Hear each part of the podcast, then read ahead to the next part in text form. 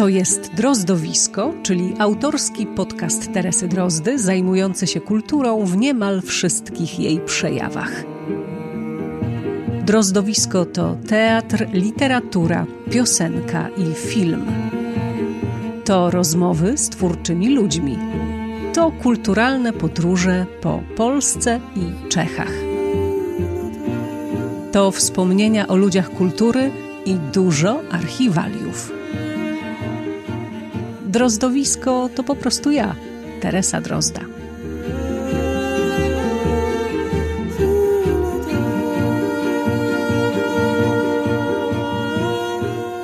Jest 30 października 2022 roku. Pozdrawiam Was z Pragi, w której zupełnie nie chce się pracować, chce się natomiast po niej snuć, chodzić, nos wtykać gdzie się tylko da, pomagać napotkanym polskim turystom wsiąść do właściwego tramwaju, po prostu robić wszystko, byle tylko nie siedzieć przy komputerze i nie musieć montować. Drozdowisko jednak powstać musi, więc powstało.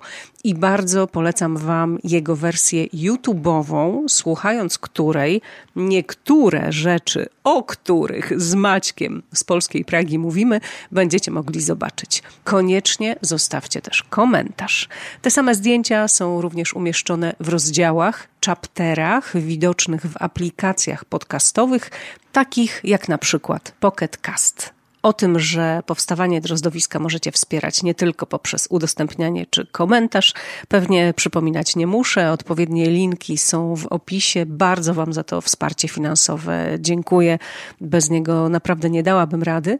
No a w każdej innej sprawie piszcie na drozdowisko.gmail.com i koniecznie postarajcie się odwiedzić Pragę.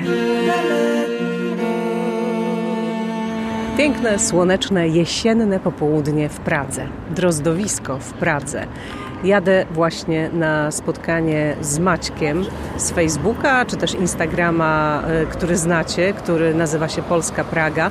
Zresztą e, z Maćkiem po Pradze już e, spacerowaliśmy i właściwie to nasze dzisiejsze spotkanie jest spełnieniem obietnicy z lata tego roku, którą oboje złożyliśmy, że spotkamy się raz jeszcze i że Maciek opowie o polskich śladach i o polskich tropach w Pradze jeszcze trochę więcej.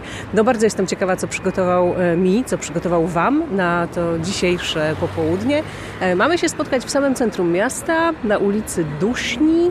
E, to jest nieopodal Starówki. Ja w tej chwili jestem na Florencu.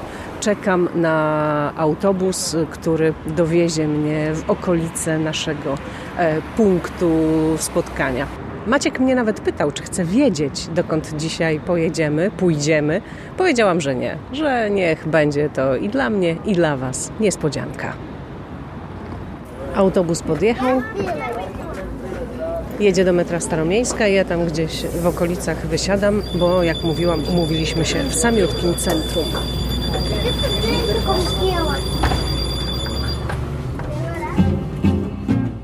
No więc dotarłam do punktu, w którym Maciek się ze mną umówił. E, oboje byliśmy dość punktualni. Witaj, dzień dobry. Cześć, dzień dobry. Gdzie jesteśmy i co będziemy dzisiaj robić? Dzisiaj spotykamy się na Placu Małżeństwa Kiri. E, po czesku to jest Namesti Kuriowych. Nie jesteśmy pewni, jak się to wymawia poprawnie. Ale przyjmiemy dla potrzeb dzisiejszego spotkania, że jest to Plac Małżeństwa Kiri.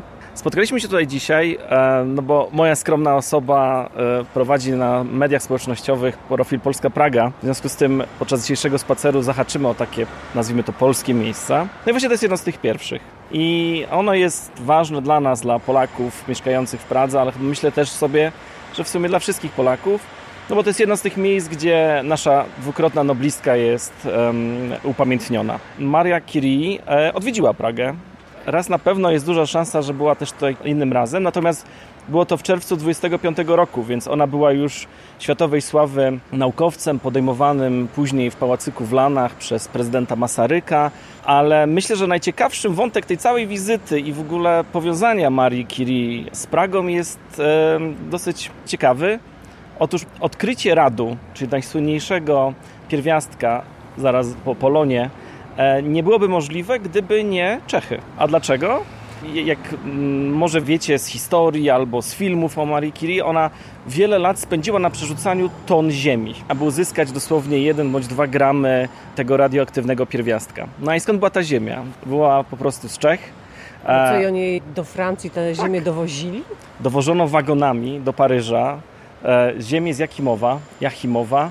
To jest miasteczko, e, właściwie takie małe uzdrowisko położone niedaleko Karlowych Warów i opłaciło się, bo oprócz tego, że została Nobla, no to e, w całej Europie powstały tak zwane instytuty radiowe, czyli instytuty, które zajmowały się propagowaniem między innymi lecznictwa związanego z e, radem i generalnie z promieniotwórczością. No do dzisiaj e, się tymi wynalazkami, do dzisiaj się tym wszystkim posługujemy, choć oczywiście mm, też wiemy już na ten temat trochę więcej o tym, jak niebezpieczne również bywa to promieniowanie. Zgadza się, no z tego co chyba wszyscy wiemy, no to Maria Curie niestety umarła dosyć, e, może nie młodo, ale na pewno przedwcześnie, między innymi poprzez pracę właśnie z tymi pierwiastkami. Odwiedziła Pragę w 25 roku. Ten plac jeszcze nie nazywał się wtedy oczywiście Placem Małżeństwa Curie, wtedy był to jeszcze Plac Jana na skraju Józefowa w Pradze. Odwiedziła między innymi swojego byłego ucznia z Sorbony, który właśnie wspomniany Instytut Radiowy w Pradze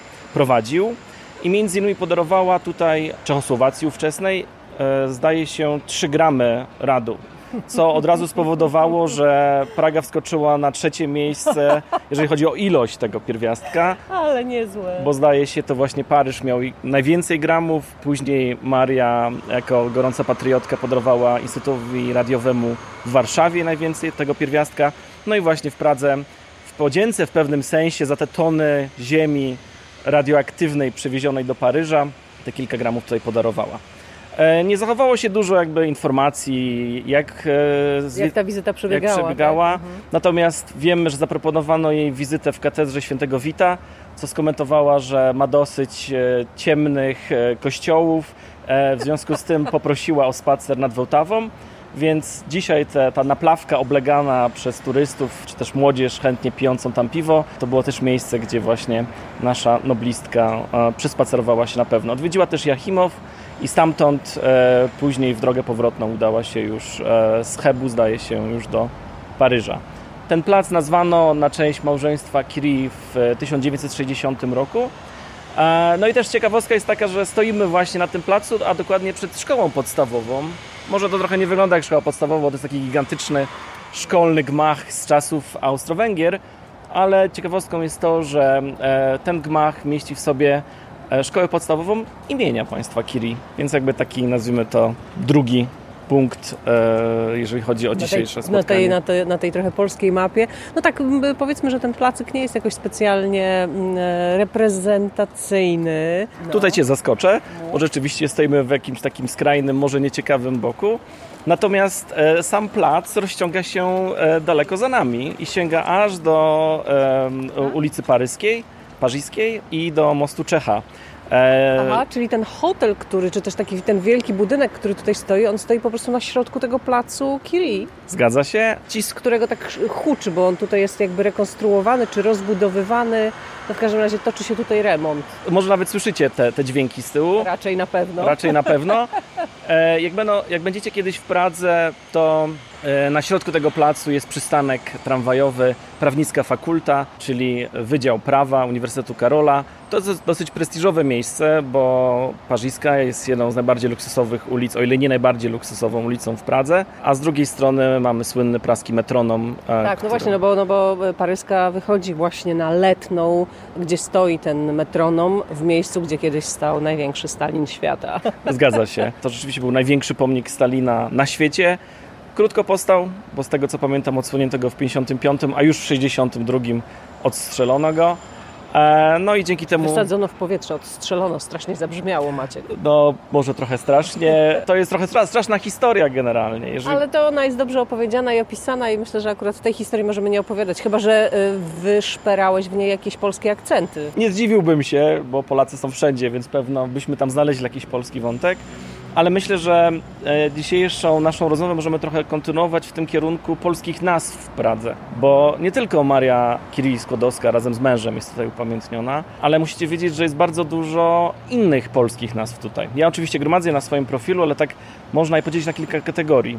Mamy tutaj ulicę Kopernika. To choć przejdźmy się kawałek, e, żebyśmy już nie stali tutaj w tym huku. E, tutaj pójdziemy sobie ulicą Duszni w stronę Starego Miasta i, i tu może będzie troszeczkę ciszej i wtedy już można kontynuować tę opowieść o tym, jak dzielą się, tak? E, jakby Twoim zdaniem, te polskie miejsca w Pradze. Tak, myślę, że może nie tyle co miejsca, a nazwy ulic. Mhm. E, więc mamy tutaj słynnych Polaków, wspomniany Kopernik, ale też na przykład Mickiewicz, czy też Chopin. To raczej nie dziwi, bo to rzeczywiście najsłynniejsi Polacy, ale mamy też na przykład ulicę Badeniego. Badeni to był premier e, z czasów Austro-Węgier, e, premier Austrii, który zasłużył się dla Czechów tym, że przeforsował ustawę, która umożliwiała wprowadzenie języka czeskiego do urzędów. Do czasów jego premierostwa tylko i wyłącznie język niemiecki był językiem urzędowym. Więc po wielu perturbacjach, które zresztą skończyły się odwołaniem tego nieszczęsnego pana Badeniego z, z, z funkcji premiera, udało mu się przeforsować tą ustawę i Czesi do dzisiaj są e, mu za to wdzięczni, do dziś go pamiętają.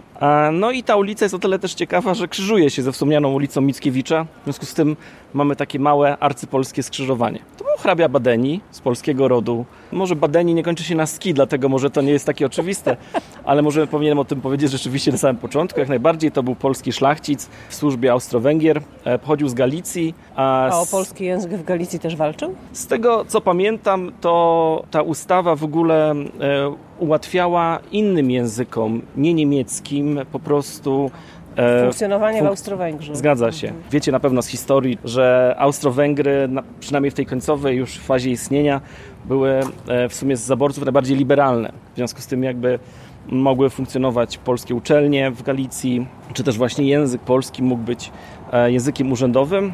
Dzięki temu odrodzona Polska miała silną kadrę już urzędniczą właśnie z Galicji.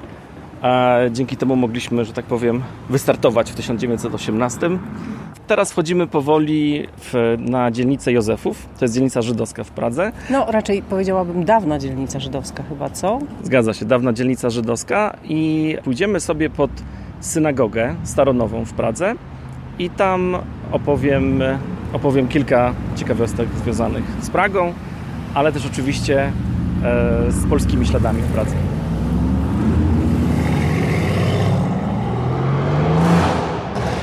A ponieważ stanęliśmy idealnie na skrzyżowaniu, no to wyście też to idealnie usłyszeli.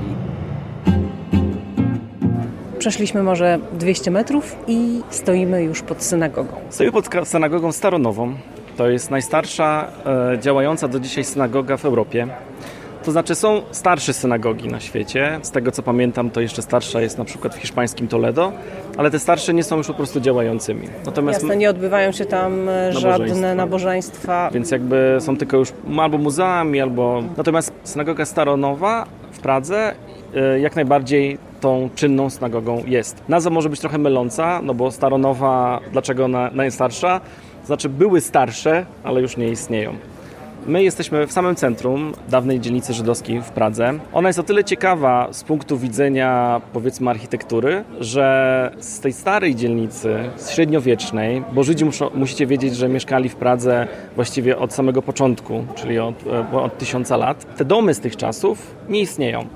Pod koniec XIX wieku stan higieny tej ówczesnej dzielnicy żydowskiej był tak fatalny, wybuchały tutaj co chwilę jakieś epidemie. Tak, no to było normalne getto, ale... Te, to były domy nawarstwione przez stulecia, przez pokolenia, bardzo często nieremontowane. E, mówimy już o końcu XIX wieku, więc powstają już normalne, powiedzmy normalne, cywilizowane kamienice z elektrycznością, e, z kanalizacją i tym podobne. Natomiast tutaj cały czas ten, to średniowiecze tkwi. W związku z tym magistrat miasta Pragi pod koniec XIX e, wieku postanawia przeprowadzić tak zwaną asanację Józefowa.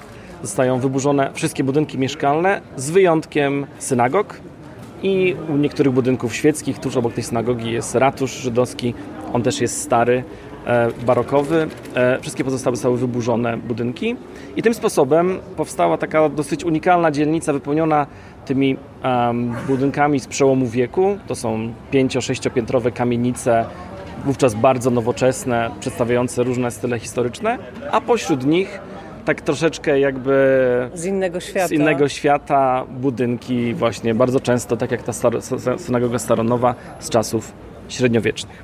A przyszliśmy sobie tutaj dlatego, bo wątków prasko-polsko-żydowskich jest kilka. Pierwszy, najsłynniejszy, jakby najsłynniejsza legenda związana z Józefowem, e, z Żydami praskimi, to jest postać Golema. Ci z Was, którzy już byli w Pradze albo przynajmniej interesują się trochę historią Pragi, wiedzą, że to jest e, najsłynniejsza legenda opowiadana wszystkim turystom. Postaram się ją powiedzieć teraz w kilku zdaniach. Mam nadzieję, że nie będę przynudzał. Teresa kontroluje mikrofon, więc da mi znać, jeżeli będzie, będę przydłużał. Ale w wielkim skrócie w średniowieczu Żydzi mieszkający tutaj różnie im się żyło z, powiedzmy z chrześcijanami. Bardzo często byli atakowani, powiedzmy nie czuli się bezpiecznie. W związku z tym praski rabin, powiemy sobie jego nazwisko za chwilkę, postanowił coś z tym zrobić. Udał się na pobliską Wełtawę, ulepił taką e, ludzką postać, dzisiaj byśmy powiedzieli robota z wełtawskiej gliny, otworzył mu usta, wsunął tam zawitek modlitwy i wtedy ten, ta, ta postać, ten, ten, ten, ten olbrzym ożył. Nazwano go golemem. Żył tutaj między Żydami praskimi, pomagał im, chronił ich, nosił ciężkie rzeczy, cegły, kamienie na budowę i tym podobne. No ale przez to, że jakby ożył, a dobrze wszyscy wiemy, że bycie człowiekiem to nie wiąże się tylko z miłością bliźniego, pomocą e, i wszystkimi pozytywnymi rzeczami, no ale też negatywnymi. No i on im bardziej przebywał wśród ludzi, tym bardziej nabierał takich też cech jak zazdrość, porywy gniewu, nienawiść i tym podobne. No i w bardzo krótkim czasie jakby mm, z takiego pomocnika stał się trochę niebezpieczny dla lokalnej społeczności żydowskiej. W chwilach gniewu, a był przecież e, małym olbrzymem, potrafił kogoś tak popchnąć, że połamać mu kości. W związku z tym po pewnym czasie poproszono rabina, żeby coś z tym zrobił. No i rabin e, wyjął mu ten wspomniany wcześniej zawitek modlitwy z ust i dzisiaj byśmy powiedzieli go wyłączył. No i wtedy właśnie na poddaszu tej synagogi staronowej złożono tego golema i legenda, tutaj podobna trochę do naszej legendy o rycerzu e, pod Giewontem, mówiła, że jak tylko Żydzi poczują się w zagrożeniu, to wystarczy tego golema obudzić, a no i wówczas ten golem uratuje tą, tą społeczność. Niestety w 1939 Czechosłowacja została zajęta przez hitlerowców. Widocznie zapomniano niestety o tej legendzie, nikt golema na czas nie obudził, no i niestety społeczność żydowska Pragi została wymordowana bądź to w tutaj nieodległym obozie w Terezinie, ale przytłaczająca większość. I tutaj niestety też polski wątek, bardzo smutny zresztą, większość Żydów praskich została wymordowana na terytorium okupowanej Polski, czyli w Oświęcimiu bądź w, w innych obozach śmierci którzy hitlerowcy zbudowali na terytorium Polski. Za chwilę jeszcze pamiętaj, musimy wrócić do rabina i do jego nazwiska, ale ja tutaj dorzucę do tej z kolei historii e, praskich Żydów w czasie II wojny światowej jeszcze małe postscriptum, bo oczywiście jest tutaj w Pradze parę mm, żydowskich cmentarzy. Jeden z nich, taki duży, nowy żydowski cmentarz, e, mieści się przy cmentarzu olszańskim, który odwiedziliśmy mm, podczas naszego poprzedniego spotkania. Na tymże żydowskim cmentarzu e, jest taki mur, wzdłuż którego się idzie na przykład do grobu Franca Kawki i na tym murze są tablice z nazwiskami pomordowanych rodzin, właściwie całych i większość tych tabliczek ma napis, no, że właśnie zginął w getcie w Łodzi, Treblince, wywieziony do Łodzi i tak dalej. I powiem Ci, że kiedy pierwszy raz szłam wzdłuż tego, ja go nazwałam takiego muru pamięci trochę, bo to trochę jest coś takiego. Yy, oni nie mają grobów przecież i tylko te tabliczki o nich przypominają, a ten mur ciągnie się przez 200-300 metrów i tych tablic przybywa i to robi naprawdę niesamowite zupełnie wrażenie, muszę powiedzieć. Pozostając jeszcze w temacie kultury żydowskiej w Pradze, chyba warto też wspomnieć, bo możecie sobie zadać pytanie właściwie, jakim cudem te wszystkie synagogi przetrwały, no bo przecież... Prawda, Niemcy i dlaczego właściwie oni tego nie zniszczyli? Dokładnie, przecież z doświadczenia chociażby polskiego wiemy, że właściwie jedną z pierwszych budynków, które zawsze e, okupanci e, niemieccy niszczyli, no to były właśnie jakby e, budynki należące do, do Żydów. No więc historia jest dosyć tragiczna w tym sensie, że, że Hitler w tej swojej chorej głowie postanowił stworzyć w Pradze Muzeum Wymarłej Rasy. To znaczy doszedł do wniosku, że jeżeli uda się wymordowanie wszystkich Żydów w Europie, to następne pokolenia Hitlerjugend i następne pokolenia Niemców nie będą w ogóle rozumieć, e, o co walczyła Trzecia Rzesza. W związku z tym postanowił stworzyć takie jakby, jakkolwiek by to tragicznie brzmiało, takie muzeum wymarłej rasy pod gołym niebem, Stąd też jakby ostatnie osoby, które w ogóle zostały zamordowane z społeczności żydowskiej w Pradze, to byli pracownicy lokalnego muzeum. To znaczy ich zadaniem przez cały okres okupacji było gromadzenie i katalogowanie różnego rodzaju pamiątek zwożonych z całych okupowanych Czech, Moraw, ale też chociażby z Polski. W związku z tym paradoksalnie, gdy w 1945 roku otworzono te synagogi, były wypełnione właściwie po sufit różnego rodzaju skarbami i paradoksalnie zawdzięczamy to hitlerowcom, którzy właśnie tak postanowili jakby stworzyć tutaj Muzeum Światowego Antysemityzmu. No i dzięki temu Muzeum Żydowskie w Pradze, tych judaików nie mogło gdzie już odesłać, no bo tych społeczności już nie było, ma największą kolekcję judaików, czyli właśnie sprzętów związanych z religią żydowską, właściwie na świecie. Bo z tego co pamiętam, to dosłownie kilka może się równać tylko z tymi zbiorami. Większość synagog tutaj na Józefowie, a jest ich chyba około siedmiu czy ośmiu, jeżeli się nie mylę, to są częścią właśnie Muzeum Żydowskiego. Jak tylko będziecie w Pradze, polecam poświęcić przynajmniej godzinę bądź dwie na, na wybranie się tutaj. Bardzo ciekawa historia, no i jakby trochę tragiczna. Ale jakby trochę wracając do tych pozytywnych rzeczy, bo możecie sobie zadać pytanie, no dobrze Maćku, ale przed chwilą mówiłeś, że tam ma być jakieś polskie miejsce. No właśnie, właśnie, właśnie i ten, i ten, i ten rabin, ten rabin. No więc ten rabin w pewnym sensie był Polakiem. To był rabi e, Löw, czyli po polsku byśmy powiedzieli Lew, który urodził się w Poznaniu. To był, zdaje się, 1525 rok i on tam na początku był e, w Poznaniu e, rabinem gminy tamtejszej żydowskiej, później przeniósł się do Pragi. Kursował zresztą między Pragą a Wielkopolską, był przez jakiś czas nawet rabinem całej Wielkopolski, no ale na koniec osiadł tutaj, tutaj właśnie stworzył tego golema, czyli w pewnym sensie, e, skoro był to jego syn, to możemy powiedzieć, że w pewnym sensie golem również był Polakiem. I tutaj został pochowany. Jego grób zachował się do dzisiaj na tutaj e, cmentarzu, który jest zaraz za nami i jest miejscem pielgrzymek, bo oprócz tego właśnie, że był Polakiem, poznaniakiem, oprócz tego, że jest związany z tą legendą, był również bardzo ważną osobistością dla Żydów. W związku z tym do dzisiaj pamiętają jego dzieła i jakby wielu osób pielgrzymuje do, do jego grobu, e, oddając mu cześć. Taka ciekawostka współczesna, Poznań jest jedynym miastem w Polsce, które doczekał się rzeźby Dawida Czernego. W Alejach Marcinkowskiego, tuż obok Muzeum Narodowego w Poznaniu, znajduje się rzeźba właśnie tego wspomnianego przez nas wcześniej golema. Jest to jedyna tego rodzaju rzeźba. Praga jest ich pełna, czer, czer, nie wiem jak to odmienić, no ale rzeźb rzeźb instalacji Dawida Czernego i ciągle przybywają nowe. O Dawidzie Czernym chyba już słyszał każdy polski czechofil, bo e, bardzo wiele o nim pisze i często o nim wspomina między innymi Mariusz Szczygieł, ale też nie da się ukryć, że te instalacje czy też te rzeźby Dawida Czernego są niezwykle atrakcyjne wizualnie i, i, no i robią ogromne wrażenie.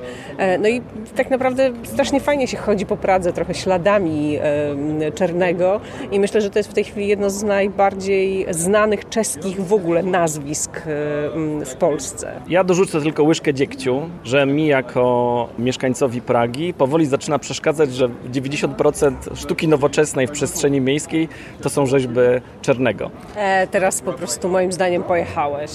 Może trochę, może trochę jestem kontrowersyjny, niemniej jednak e, trochę by przydało się może trochę więcej innych artystów. Niemniej rozumiem, że Czerny ma tą już renomę międzynarodową, nie tylko myślę, że w Polsce, ale generalnie w Europie. Jest bardzo rozpoznawalny. Fajnie mieć takie, taką sztukę współczesną w przestrzeni miejskiej. Poznań ma tego na miastkę właśnie w postaci golema, wszystkich czechofilów wielkopolskich, ale też polskich. Zapraszam na Aleję Marcinkowskiego. Jeszcze mamy jakieś e, polsko-żydowskie wątki? No właśnie, bo już tak postawiłeś kropkę ja nie wiem, czy już mam wyłączać ten mikrofon, idziemy dalej? Nie. Pójdziemy za chwilkę dalej, natomiast e, bardzo ciekawa historia, prawie zupełnie nieznana w Polsce, nie wiem z jakich przyczyn, ale musicie wiedzieć, że w Pradze jest pochowany żydowski król Polski. I mówiąc żydowski król polski, nie mam na myśli tutaj jakąś słynną postać, e, nie wiem, czy rabina, czy coś takiego, tylko mówię tutaj o historii, która wydarzyła się naprawdę. Po śmierci Stefana Batorego zapanowało, jak to w Polsce elekcyjnej, bezkrólewie. Szlachta zebrała się, żeby wybrać nowego władcę. I jakoś tak się złożyło, że nie mogli dojść do żadnego porozumienia. W związku z tym, w tych emocjach, dyskusji, kogo by obrać królem polskim, ktoś nie wiem, czy właściwie pół żartem, czy też jakby na zasadzie jakiejś e, politycznej walki, wskazał lokalnego Żyda, miał na nazwisko Wal, czyli no, to po niemiecku jest e, wybór. Elekcyjne nazwisko. Elekcyjne bardzo nazwisko. I został wybrany. To znaczy szlachta zagłosowała, e, bo wtedy głosowano podnosząc szable, w związku z tym szable poszły w górę. Wybrano e, Żyda królem Polski. Potem się okazało, że chyba z przyczyn formalnych nie może być on tym królem, no bo jakby musi być przynajmniej wiary katolickiej ale legenda głosi, że udało mu się przez te kilka dni, bo właściwie z tego co legenda mówi, to właściwie były to tylko jeden bądź dwa dni rządów. Legenda czy historia?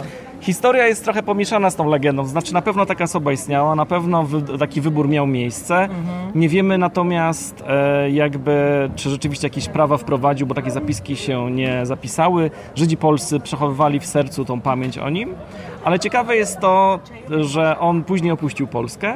Swój e, elekcyjny płaszcz, który dostał, przywiózł ze sobą do Pragi.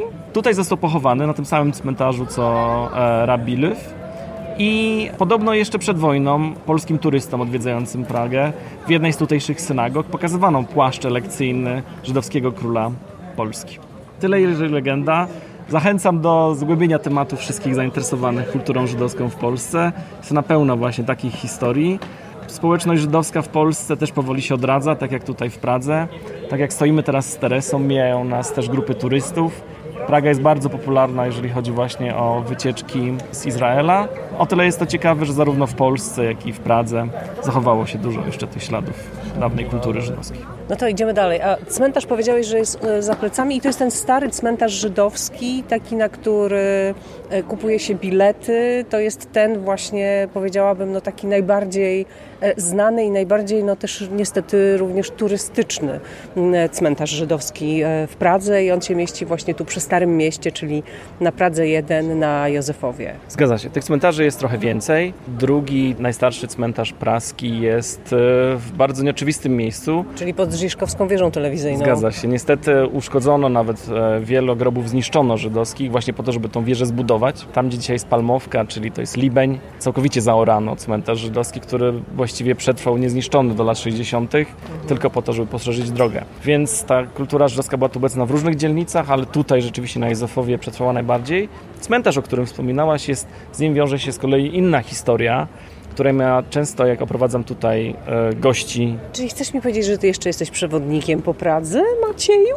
Nie jestem przewodnikiem, gdyż nie mam uprawnień e, przewodnika musicie wiedzieć, że tutaj jest reglamentowany ten zawód. Nie wiem, czy to jest słowo reglamentowany, no ale jakby jest... Kontrolowany jakoś. Jest kontrolowany, w związku z tym trzeba uzyskać licencję. Ja tej licencji jeszcze nie mam. Aha, będziesz się o nią starał?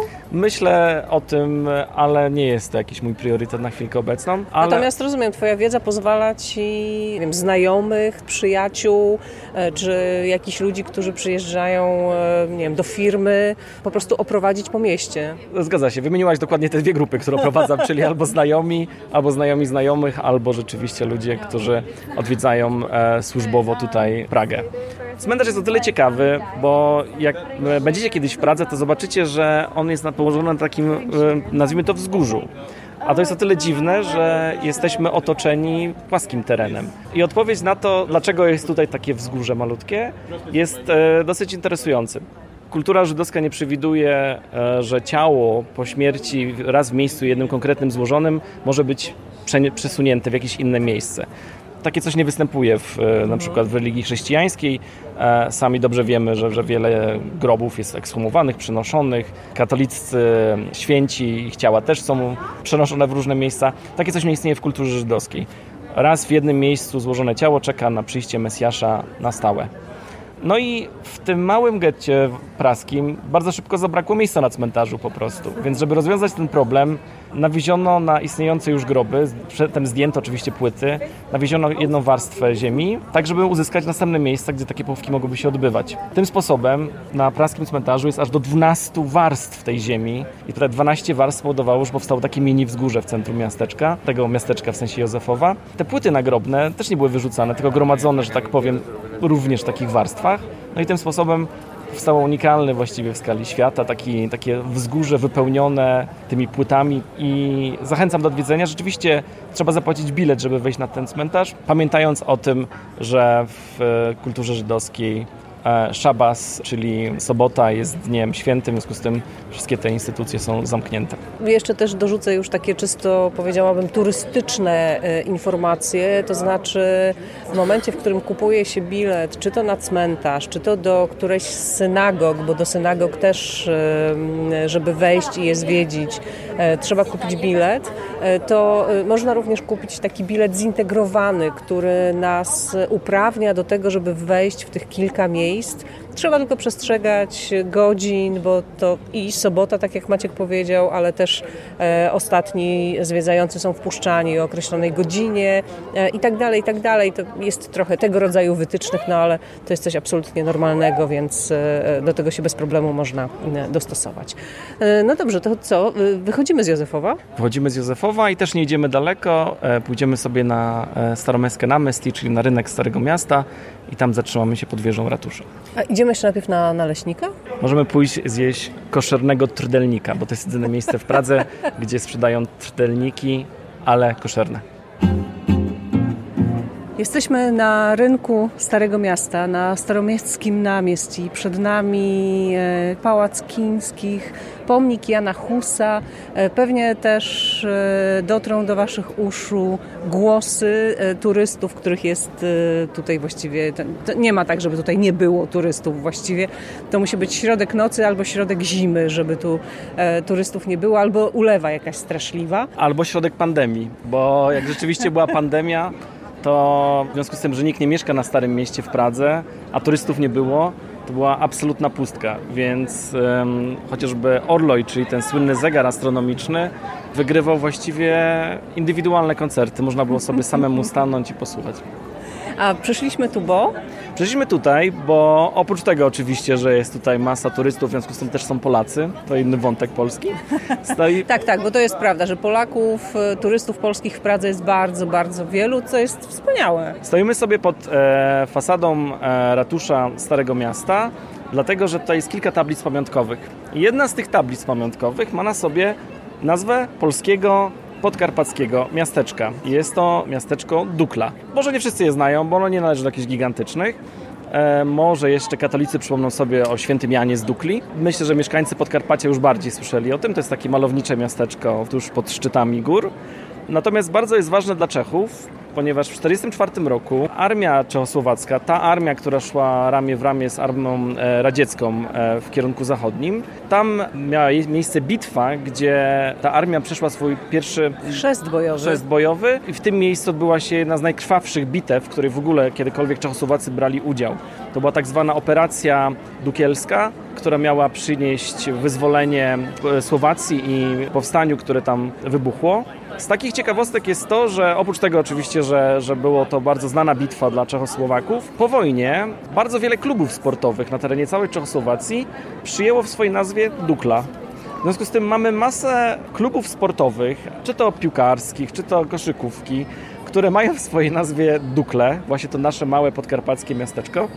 Bardzo często były to właśnie kluby sportowe wojskowe. W związku z tym jakby Jasne, w taki sposób upamiętniali też tę bitwę. Niemniej jednak zszokowała mnie ilość po prostu, bo myślałem sobie, że może okej, okay, jedna, dwa, ta, dwa takie kluby, jak e, wpiszecie sobie w Google kluby sportowe Dukla, to jest ich w, na terenie Czech i trochę na Słowacji jest tego rzeczywiście dużo. Dukla jest też o tyle jeszcze ważna, że jedna z głównych ulic e, Holeszowic, tam gdzie znajduje się Galeria Narodowa w Pradze, to jest ulica Bohaterów Dukli, czyli dukelskich Chrtinu. Jest dosyć długa i jakby myślę, że wielu mieszkańców nawet nie wie skąd pochodzi ta nazwa, ale teraz już wiecie, że jest to od polskiego miasteczka. Drugim miasteczkiem takim jakby związanym e, z historią armii czechosłowackiej w czasie II wojny światowej to jest Jasło, czyli podobne rejony też południowa Polska. I z kolei jedna z głównych ulic Davids, czyli tutaj za, jakbyśmy spojrzeli, ta dzielnica zaletną jeszcze. Mówię e, z naszego punktu widzenia, bo stoimy na rynku, więc z perspektywy ulicy Parzyskiej zaraz tam dalej są Davice. Jedna z głównych ulic Davids to jest ulica Jasielska. To jest na cześć właśnie Jasła. W samym Jaśle jeszcze do niedawna stał pomnik Armii Czechosłowackiej. Armata podarowana w latach 50. temu miasteczku przez Czechosłowaków i e, nawet odbywało się lokalne święto artylerii czechosłowackiej. E, sama bitwa e, koło Jasła miała miejsce w 1945 roku, no i właśnie była największą bitwą w historii artylerii czechosłowackiej, stąd też jakby te szczególne relacje pomiędzy Jasłem a Pragą.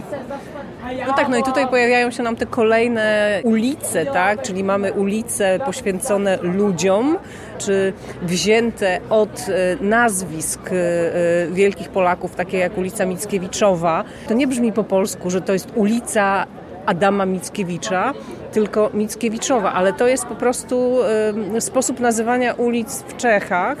No bo jeśli idziemy na przykład ulicą Jana Husa, powiedzielibyśmy w Polsce, to w Czechach mamy ulicę Husową. To samo dotyczy Franca Kawki, Kawkowa i tak dalej, i tak dalej. Więc w ten sposób ulica Adama Mickiewicza jest ulicą Mickiewiczową. No zgadza się. Musimy się odsunąć, bo mamy mały tutaj pokaz czarów. Natomiast zgadzam się, wracając do nazw ulic w Pradze, ulica Chopina to nic innego jak ulica Chopinowa. Natomiast absolutną ciekawostką, też nie do końca znaną, że chodzi o nazwy ulic w Pradze, jest dzielnica Bochnice.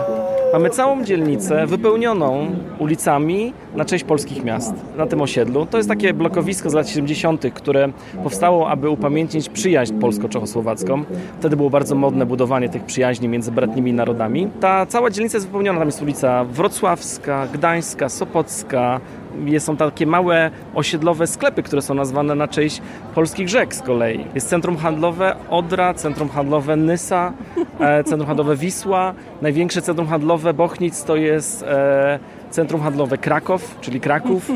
Dzielnica jest sama w sobie oczywiście zwykłym blokowiskiem. Jasne, Niemniej rozumiem, nic specjalnego i nic do zwiedzania, tak? W związku z tym nie odsyłam Was tam, jak będziecie w Pradze, żeby koniecznie zwiedzać. E, możecie wirtualnie na, na, na mapie. Jako ciekawostkę... Albo to... na profilu Polska Praga. Albo na profilu Polska Praga. Dodam tylko jako ciekawostkę, że największy szpital psychiatryczny Pragi znajduje się właśnie na Bochnicach. W związku z tym, jeżeli mieliście kiedykolwiek do czynienia z polską biurokracją albo z polskimi urzędami, to nie zdziwicie się, dlaczego akurat koło e, domu wariatów znajduje się polskie osiedle. Tu złośliwie troszeczkę yy, chyba yy, się zachowałeś. Trochę złośliwie, ale yy, na pocieszenie powiem, że czeska biurokracja wcale nie jest lepsza. Ostatnią ciekawostką, oprócz wspomnianego w poprzednim naszym spotkaniu Pałacu Kińskich, ale tutaj odsyłam do starszego nagrania, jest jeszcze na płycie rynku, tutaj gdzie stoimy, jest upamiętniona bitwa pod Białą Górą, a właściwie to, co wydarzyło się po bitwie pod Białą Górą. W 1620 roku katolicka liga pod flagą Habsburgów e, ostatecznie pokonała tutaj protestancką szlachtę czeską. To dla Czechów jest jedna z największych tragedii w historii. Tutaj oni mówią, że na 300 lat zapadła noc Habsburgów i tutaj w tym miejscu miejscu, gdzie stoimy, kilka miesięcy po bitwie dokonano egzekucji głównych przywódców tego ruchu protestanckiego w Czechach. I musicie wiedzieć, że Polska trochę, Polacy troszeczkę dołożyła swojego kamyka do ogródka w zniszczeniu tego protestanckiego ruchu tutaj. Mianowicie w, Białej, w bitwie pod Białą Górą czyli właśnie te, tej bitwy, którą pamiętają tutaj te tablice, wzięli udział Polacy, tak zwani Lisowczycy, taki oddział e, kawalerii polskiej, no i byli po stronie Habsburgów, bitwa była dlaczego przegrana, ale z tego co wiem, to Czesi nam tego nie wypominają. No właśnie, chyba nam tego nie wypominają. Tego nam nie wypominają i tak naprawdę to też trochę obale jeden z polskich mitów, też nam nie wypominają e, 68 roku. Bardzo wielu Polaków myśli, że rzeczywiście Czesi pamiętają, że e, Ludowe Wojsko Polskie wzięło udział w inwazji na Czechosłowację. Niemniej jednak akurat ten fragment naszej historii traktują, że zostaliśmy po prostu zmuszeni, że nie była to polska decyzja. Tak, ja też e, mam takie doświadczenia, rozmawiałam z bardzo wieloma Czechami na ten temat, bo też kiedy zaczynałam tutaj przyjeżdżać, to miałam takie przeświadczenie, że to jest jakiś straszny problem w tych naszych relacjach czy stosunkach. Okazało się, że zupełnie nie, wręcz byli tacy, którzy mi mówili, no co ty, przecież my byśmy do was w 81 też wjechali. No dokładnie, więc jakby ta to tak a propos skomplikowanej historii tej tutaj naszej części Europy. No a poza tym Staromiejskie Namiestnie jest, y, no jest pięknym rynkiem, jest ogromnym rynkiem. No poza tym, że oczywiście ilość turystów, czy ilość ludzi, która tutaj y, y, przebywa, może być lekko denerwująca czy irytująca. Trudno jest sobie tu zrobić pewnie zdjęcie. Natomiast poza tym to jest piękne miejsce, robiące wrażenie. No i jest to, nie da się ukryć, samo serce Pragi. Więc w zasadzie, kiedy się tu przyjeżdża, zwłaszcza na chwilę i na moment, no to w sumie warto by tu nogę postawić, mam wrażenie. No oczywiście, jakby, no to jest to miejsce, które ciężko ominąć zwiedzając Pragę. Natomiast ja jako już mieszkaniec Pragi koniecznie namawiam Was wszystkich, żeby wybrać się poza centrum, zwiedzić te dzielnice, chociażby tą e, ulicę Jasielską na Dejwicach, czy zapuścić się do jakichś knajp na Żiszkowie. To jest ta właściwie prawdziwa Praga, co nie zmienia faktu, że to też jest prawdziwa Praga to jest jej po prostu takie bardzo turystyczne oblicze. A i jeszcze jak wspominasz o, o Dejwicach, to muszę powiedzieć o tym hotelu, który tam stoi. To co prawda nie jest żaden jakiś taki specjalnie polski akcent, no bo to jest y, hotel wybudowany y, przez Czechów, natomiast y, to jest hotel, który kiedyś był budynkiem wojskowym, powstał w połowie lat 50. i został wybudowany według takiej radzieckiej sztancy i on wygląda jak taki pomniejszy pałac kultury troszeczkę. I dzisiaj to jest hotel, ale przez długie lata, no właśnie, to był budynek wojskowy. Otwarty został, jeśli dobrze pamiętam, w roku 1955, ale jego budowa się zaczęła wcześniej i też wiem, że czechosłowaccy, że tak powiem, przedstawiciele partii komunistycznej mieli nadzieję, że sam Stalin przyjedzie ten budynek e, otworzyć. Jeżeli Teresa Was przekonała, żeby ten hotel odwiedzić, to jak będziecie na Dejwicach, to hotel jak to hotel jest oczywiście oczywiście otwarty, może każdy wejść do środka. Jak wejdziecie do środka, to zwrócę Wam uwagę na dwie rzeczy. Pierwsza to główny hol wejściowy i ilość stopni. Tak jak Teresa wspomniałaś, e, spodziewano się, że, że Stalin odwiedzi e, Pragę i zbudowano dokładnie tyle stopni, ile wówczas armia czechosłowacka miała generałów. Tak, żeby Stalin wchodząc do hotelu, w tym głównym foyer, mógł każdemu z ówczesnych generałów czy uścisnąć nawet rękę, tak? uścisnąć rękę, w jakikolwiek sposób pozdrowić. Każdy generał sto, stojący na kolejnym stopniu na pewno miałby robić wrażenie. Natomiast druga bardzo ważna rzecz to absolutnie unikalny gobelin, który wisi we foyer. To jest też jedyne miejsce właściwie w Pradze, gdzie jeszcze można zobaczyć pomnik Stalina, który stał na Letnej, bo jak ten gobelin był tworzony, to ten pomnik jeszcze stał i no nie został usunięty później. Gobelin sobie wisi. E, jest taki dosyć w pewnym sensie neutralny, bo przedstawiał po prostu zabytki Pragi. E, no ale właśnie... Nawet w towarzystwie ptaków, e, to jest taki bardzo piękny gobelin. Troszkę zniszczony, jemu by się przydała jakaś renowacja, ale tak właśnie, tam te Pragę widać, ale jest tam też ta Praga taka fabryczna, bo tam też i kominy fabryczne mamy na tym gobelinie, ale mamy też te zabytki, tak? Wszystko z duchem socrealizmu. A jak uda Wam się trafić na dzień otwarty, bo musicie wiedzieć, że hotel bierze też udział w różnego rodzaju dniach otwartych, to polecam e, wjechać na ostatnie piętro. Tam jest taka mała kawiarenka, powiedzmy, nieotwarta codziennie, to jest tylko dla gości hotelowych. E, nie, ona nawet nie jest dla gości hotelowych otwarta, muszę Ci powiedzieć. Chyba, że nawet nie.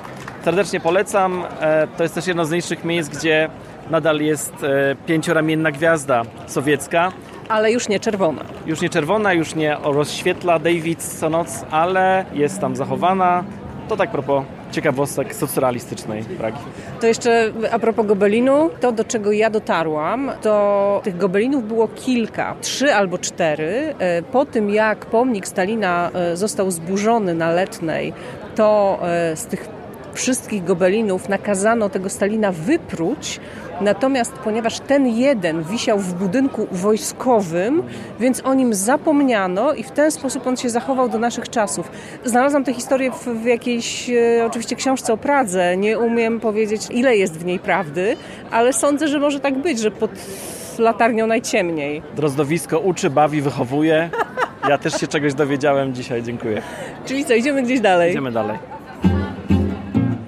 Odeszliśmy znowu dosłownie kilkadziesiąt metrów e, od ratusza na Staromiejskim Namiesti i jesteśmy z Maćkiem na tak zwanym małym namiesti, czyli na małym placu, małym, nie rynku, nie? Placu. Ryneczku. Ryneczku byśmy powiedzieli po polsku, ale namieści to jest po prostu plac, a nie rynek. Zgadza się. Zresztą też jest ciekawa ewolucja słowa rynek bo ja jestem z Gdańska, u nas nie ma rynków, u nas są targi, jest długi targ, jest targ węglowy, targ drzewny, a słowo targ to nic innego jak czeski tyrch. A tyrch to z kolei po czesku rynek, ale w sensie nie miejsca, tylko na przykład rynek obligacji, rynek samochodów i tym podobne. Więc nasze dwa języki poszły trochę w innych kierunkach. U nas tyrch jako targ, e, Natomiast rzeczywiście na Mesti to plac, więc jesteśmy na małym placu. A jesteśmy tutaj dlatego, bo to jest nic innego jak lokalizacja Polskiego Instytutu w Pradze. W tej lokalizacji od 2004 roku, ale tylko lokalizację zmienił, bo wcześniej ten sam Instytut Polski, trochę pod inną nazwą, funkcjonował od 1949 roku na placu Wacława w Pradze, na Wacławskim Namesti. Co ciekawe, w tym samym budynku, w którym przez wiele lat Franz Kafka pracował, więc jak będziecie tam przechodzić, tam zdaje się jest jakiś jeden sklep kosmetyczny, ciężko mi już powiedzieć, co tam jest dzisiaj. E, niemniej jednak tak losy Franca Kawki z Polską się łączą. Od 1949 roku istniało tam właśnie poprzedni Polskiego Instytutu. Czyli takie centrum informacyjne, Polskie Centrum Informacyjne, to się chyba jakoś tak nazywało. To się nazywa Strzedisko, Kulturni Strzedisko, czyli byśmy powiedzieli właśnie Centrum Kultury. Gmach jest duży, więc pomieścił tam nie tylko, e, nazwijmy to jakiś punkt informacyjny, ale była tam też e, biblioteka, sala kinowa, sklep z polskimi rzeczami, ale co najważniejsze, była też czytelnia. Czytelnia nie tylko książek, ale też gazet. I myślę, że ciekawe dla nas e, jako Polaków jest to, że przez wiele lat, szczególnie po 68, kiedy tutaj lokalnym Czechom i Słowakom, brzydko mówiąc, przykręcono śrubę, po upadku praskiej wiosny zapadła tutaj taka rzeczywiście ciemna noc socjalizmu. Troszkę neostalinizacja, nawet tak się mówi, na ten czas normalizacji, na ten czas po 68 roku. I ten Polski Instytut z tymi polskimi gazetami, Szczególnie już pod koniec lat 70., gdzie jak z kolei w Polsce następowała taka swobodna liberalizacja, można było pisać i mówić o wielu rzeczach, których w Czechosłowacji było nie do pomyślenia. Przez to, że nasze języki są trochę podobne i przez to też, że jakby wielu wtedy jeszcze Czechów uczyło się na przykład polskiego w szkole, miało dostęp do tej polskiej gazet, do polskiej kultury. W pewnym sensie paradoksalnie byliśmy tym okienkiem na świat, dla, przynajmniej na pewno dla Prażaków. E, mówimy oczywiście o takich ciężkich czasach, o polityce, ale nie pamiętamy też trochę bardziej lekkich. Podobno ta czytelnia Polskiego Instytutu była oblegana też przez panie, bo w ówczesnych polskich gazetach, takich jak Przyjaciółka, Świat Kobiet. Kobieta i życie. Kobieta i życie. Świat Kobiet to chyba nie było takiego pisma, nie, ale nie, Kobieta i życie. Tutaj jestem trochę wyjęty z kontekstu, ale ówczesne gazety bardzo dużo drukowały wzorów na sukienki. Wykrojów po prostu. Wykrojów. Dziękuję, tego słowa mi brakowało w sumie. E, I więc byliśmy tym okienkiem, tym powiewem, e, nazwijmy to zachodu, nie tylko na gruncie politycznym, czy też jakby kultury, ale z takich bardzo prozaicznych rzeczy. Można było też właśnie w tym Centrum Kultury kupić niektóre polskie produkty. Czesi cenili sobie na przykład nasze materiały, kosmetyki również. Pani Walewska była jak najbardziej tutaj bardzo popularna. W związku z tym jakby ten ośrodek E, pełnił bardzo ważną rolę w tych naszych relacjach. To jest bardzo szeroki temat tej współpracy i tych relacji pod koniec lat 70., 80. Nie można na pewno zapomnieć o tym, jak polska opozycja demokratyczna, e, ruch Solidarności miał e, bardzo duży wpływ na powstanie właściwie, bo ciężko mówić nawet o odrodzeniu, ale powstaniu takiej podobnej opozycji Czechosłowacji. Ten ruch Solidarności, o ile w Polsce był bardzo masowy, w Czechach takich rozmiarów nigdy nie przybrał.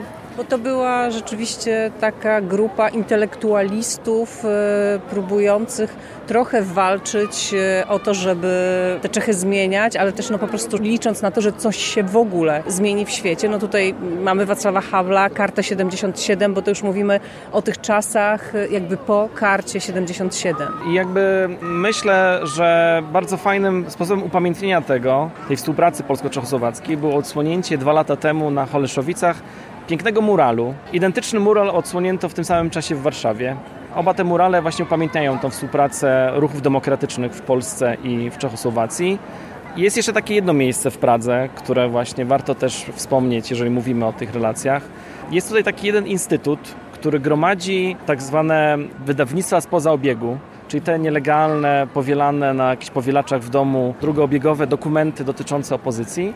I musicie wiedzieć, że oprócz czeskiego zespołu i słowackiego, trzeci największy zbiór dokumentów i książek właśnie dotyczących tego okresu to jest właśnie polski. W związku z tym bardzo wielu badaczy też historii, Solidarności, czy też generalnie ruchów demokratycznych, no właściwie musi odwiedzić Pragę, żeby przynajmniej zajrzeć do tutaj właśnie tego instytutu, do biblioteki i przejrzeć, co, jakie tutaj skarby mają. Zmiany demokratyczne nastąpiły tutaj bardzo gwałtownie.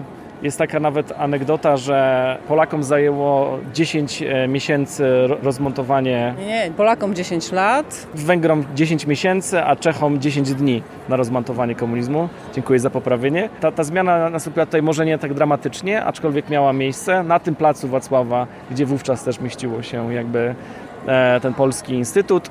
To takie zamknięcie tej klamry czasów komunistycznych, tej nowej, odrodzonej już rzeczywistości w tej wolnych Czechach Instytut zmienił lokalizację, no i właśnie trafił tutaj, na Male Namesti, czyli na, na mały plac tuż za ratuszem staromiejskim w Pradze.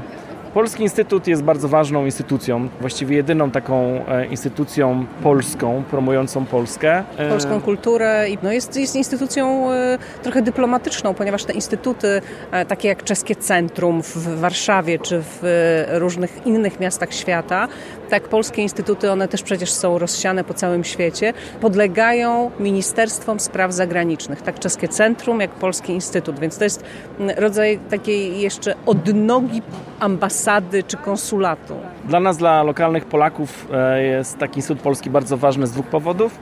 Pierwszy to taki, że zawsze można odwiedzić mm, bibliotekę Instytutu Polskiego. Są tam książki bądź to po polsku, nowości i tym podobne, bądź też polska literatura przetłumaczona na czeski. A drugi powód to bardzo popularne kurs języka polskiego. Może nie dla nas Polaków, ale jeżeli mamy swoje połówki niepolskojęzyczne, to to jest idealne miejsce, żeby je trochę przymusić do nauki naszego pięknego języka, żeby przynajmniej zrozumieli, co tam do nich mówimy. No w tym polskim strzedisku, o którym wspomniałeś, też oczywiście odbywały się kursy języka e, polskiego. Wspominał mi o nich ostatnio choćby Jiří Suchy, który powiedział, że tam e, e, w tymże 49 roku na chwilę się zapisał i zapamiętał do dzisiaj parę słów po polsku, ale też muszę powiedzieć, że bardzo wielu czeskich intelektualistów, z którymi rozmawiałam, tych trochę starszej daty, wspominało to polskie strzedisko. Polskie płyty, Grechute, Niemen, na wielu innych artystów, ale też właśnie to, o czym powiedziałeś, że można było czytać choćby, nie wiem, tygodnik powszechny, w którym pisano o sprawach, o których w Czechach się nawet nie szeptało gdzieś po domach, a w Polsce się w zupełnie otwarty sposób y, y, o tym pisało i że oni rzeczywiście trochę tego świata łykali dzięki nam. Mało tego, my jesteśmy w Pradze i rozmawiamy o Pradze, jesteśmy w ogóle to trochę pragocentryczni, ale Czesi, znajomi, przyjaciele mieszkający w Ostrawie, w Cieszynie, w tamtych rejonach przygranicznych też mi wiele razy opowiadali, że oni e, oglądali polską telewizję i słuchali polskiego radia, no bo te fale po prostu docierały. Natomiast na przykład w Ołomuńcu, gdzie dzisiaj jest bardzo silna polonistyka, pracował fantastyczny poeta, tłumacz, ale również ktoś, kto bardzo promował polską kulturę w Czechach, czyli Wacław Burian. W tej chwili e, przyznaje się specjalną nagrodę poetom jego imienia. I tenże Wacław Burian, kiedy jeździł na wycieczki do Polski, przywoził jakieś, e, no właśnie, czasopisma, Wszystkie mu je zabierano na granicy, natomiast spokojnie na poczcie mógł zaprenumerować sobie tygodnik powszechny, ponieważ to było pismo z bratniego kraju i nie było najmniejszego problemu, żeby mu ten tygodnik powszechny co tydzień pocztą przyszedł do Ołomuńca. Więc to były też te paradoksy socjalizmu, tak to nazwijmy. E, wspomniałaś o polonistyce ołomuńskiej. Ja trochę oczywiście jako pragocentryk jeszcze dodam, że najstarsza polonistyka w Czechach oczywiście powstała w Pradze. I w przyszłym roku obchodzimy dokładnie stulecie powstania polonistyki praskiej. Z tego co wiem, szykują się różnego rodzaju obchody i uroczystości z tym związane. Twórcą polskiej polonistyki był Marian Trzykowski, e, rodem z Lwowa, natomiast e, jego główną uczelnią był Uniwersytet Jagielloński. W 1923 roku zaproszono go, żeby stworzył tutaj katedrę języka polskiego. Zgodził się. Potem przez wiele lat był związany z Uniwersytetem Karola. Z przerwą na oczywiście II wojną światową, bo wtedy też zamknięto wszystkie uczelnie czeskie wyższe. Wrócił tutaj po wojnie, kontynuował pracę na uniwersytecie, zmarł i jest pochowany na cmentarzu, tym samym cmentarzu, gdzie Karel Gott, czyli na Malwazinkach. No i to są jeszcze, zobaczcie, jakie po prostu historie, historyjki, historyjeczki, kręgi zataczamy tak różne, o tak różne tematy zahaczamy. Myślę, że to nie jest tylko kwestia Pragi, że w zasadzie, kiedy wejść w historię jakiegokolwiek miasta i chcieć e, po nim trochę pochodzić, trochę mu się poprzyglądać, to takich historii najróżniejszych, przedziwnych można znaleźć więcej. No my jesteśmy w Pradze, bo chcemy tu być i, i, i w związku z tym o tej Pradze Wam opowiadamy na wszelkie możliwe sposoby, żeby namówić Was do tego, żebyście Wy też tu przyjechali. Praga jest takim małym mikrokosmosem. Jest tutaj właściwie wszystko, cała historia naszej części Europy odbija się w tym mieście ta historia trochę inaczej tutaj przebiegała niż na przykład w Polsce, ale koniec końców e, nasza historia też tutaj się odbija. Mamy tutaj wspomnianych w poprzednim nagraniu powstańców styczniowych, mamy tutaj e, ruch e, demokratyczny związany z Solidarnością, mamy tutaj słynnych Polaków, takich jak wspomniana dzisiaj Maria Curie-Skłodowska. Czy chcemy, czy nie, jesteśmy skazani na siebie, no i Praga jest tego odzwierciedleniem, że ta wielka historia odbija się tutaj, ale też ta mała, zwykła ludzka odbija się tutaj w, w historii i w budynkach, w ludziach. A ja tylko jeszcze chyba na koniec dodam, że serdecznie zapraszam do Pragi i zachęcam do zwiedzania Pragi nie tylko super turystycznie, Moskarola, zamek, rynek. Tylko... Co nie znaczy, że tak nie należy, ale... Tak należy na pewno za pierwszym razem ale jak już będziecie za drugim czy trzecim, albo piątym, albo piątym, albo pięćdziesiątym piątym, serdecznie zachęcam do odwiedzenia tych takich mniej znanych dzielnic, żeby poczuć tą Pragę, ten klimat, który już w tym centrum chyba powoli odchodzi. Takie mam wrażenie, że jest trochę centrum stety bądź niestety zadeptane. Stety dlatego, no bo turyści zostawiają pieniądze i dzięki tym pieniądzom miasto może kupić nowy tramwaj bądź nowe metro, które ja codziennie używam. Rozwijać się po prostu oczywiście, a, a niestety, no bo nie bywa to przyjemne, kiedy się w takim tłumie e, po tym mieście spaceruje. No ale mamy nadzieję, że jednak tych inspiracji e, podrzuciliśmy Wam dzisiaj sporo. Maciek Świerczyński, Polska Praga, bardzo, bardzo Ci dziękuję. Teresa Drozda, Drozdowisko, również serdecznie dziękuję. Ech, mogłabym tak jeszcze długo. Sporo materiałów nagrałam już w Czechach, kolejne się szykują. W zasadzie powinnam co trzy dni proponować Wam nowe drozdowisko, żeby to wszystko zmieścić, ale to z kolei nierealne ze względu na to, ile tu mam innych zajęć, więc martwić będę się później. Dziś już e, bardzo dziękuję za uwagę. Teresa Drozda, do usłyszenia.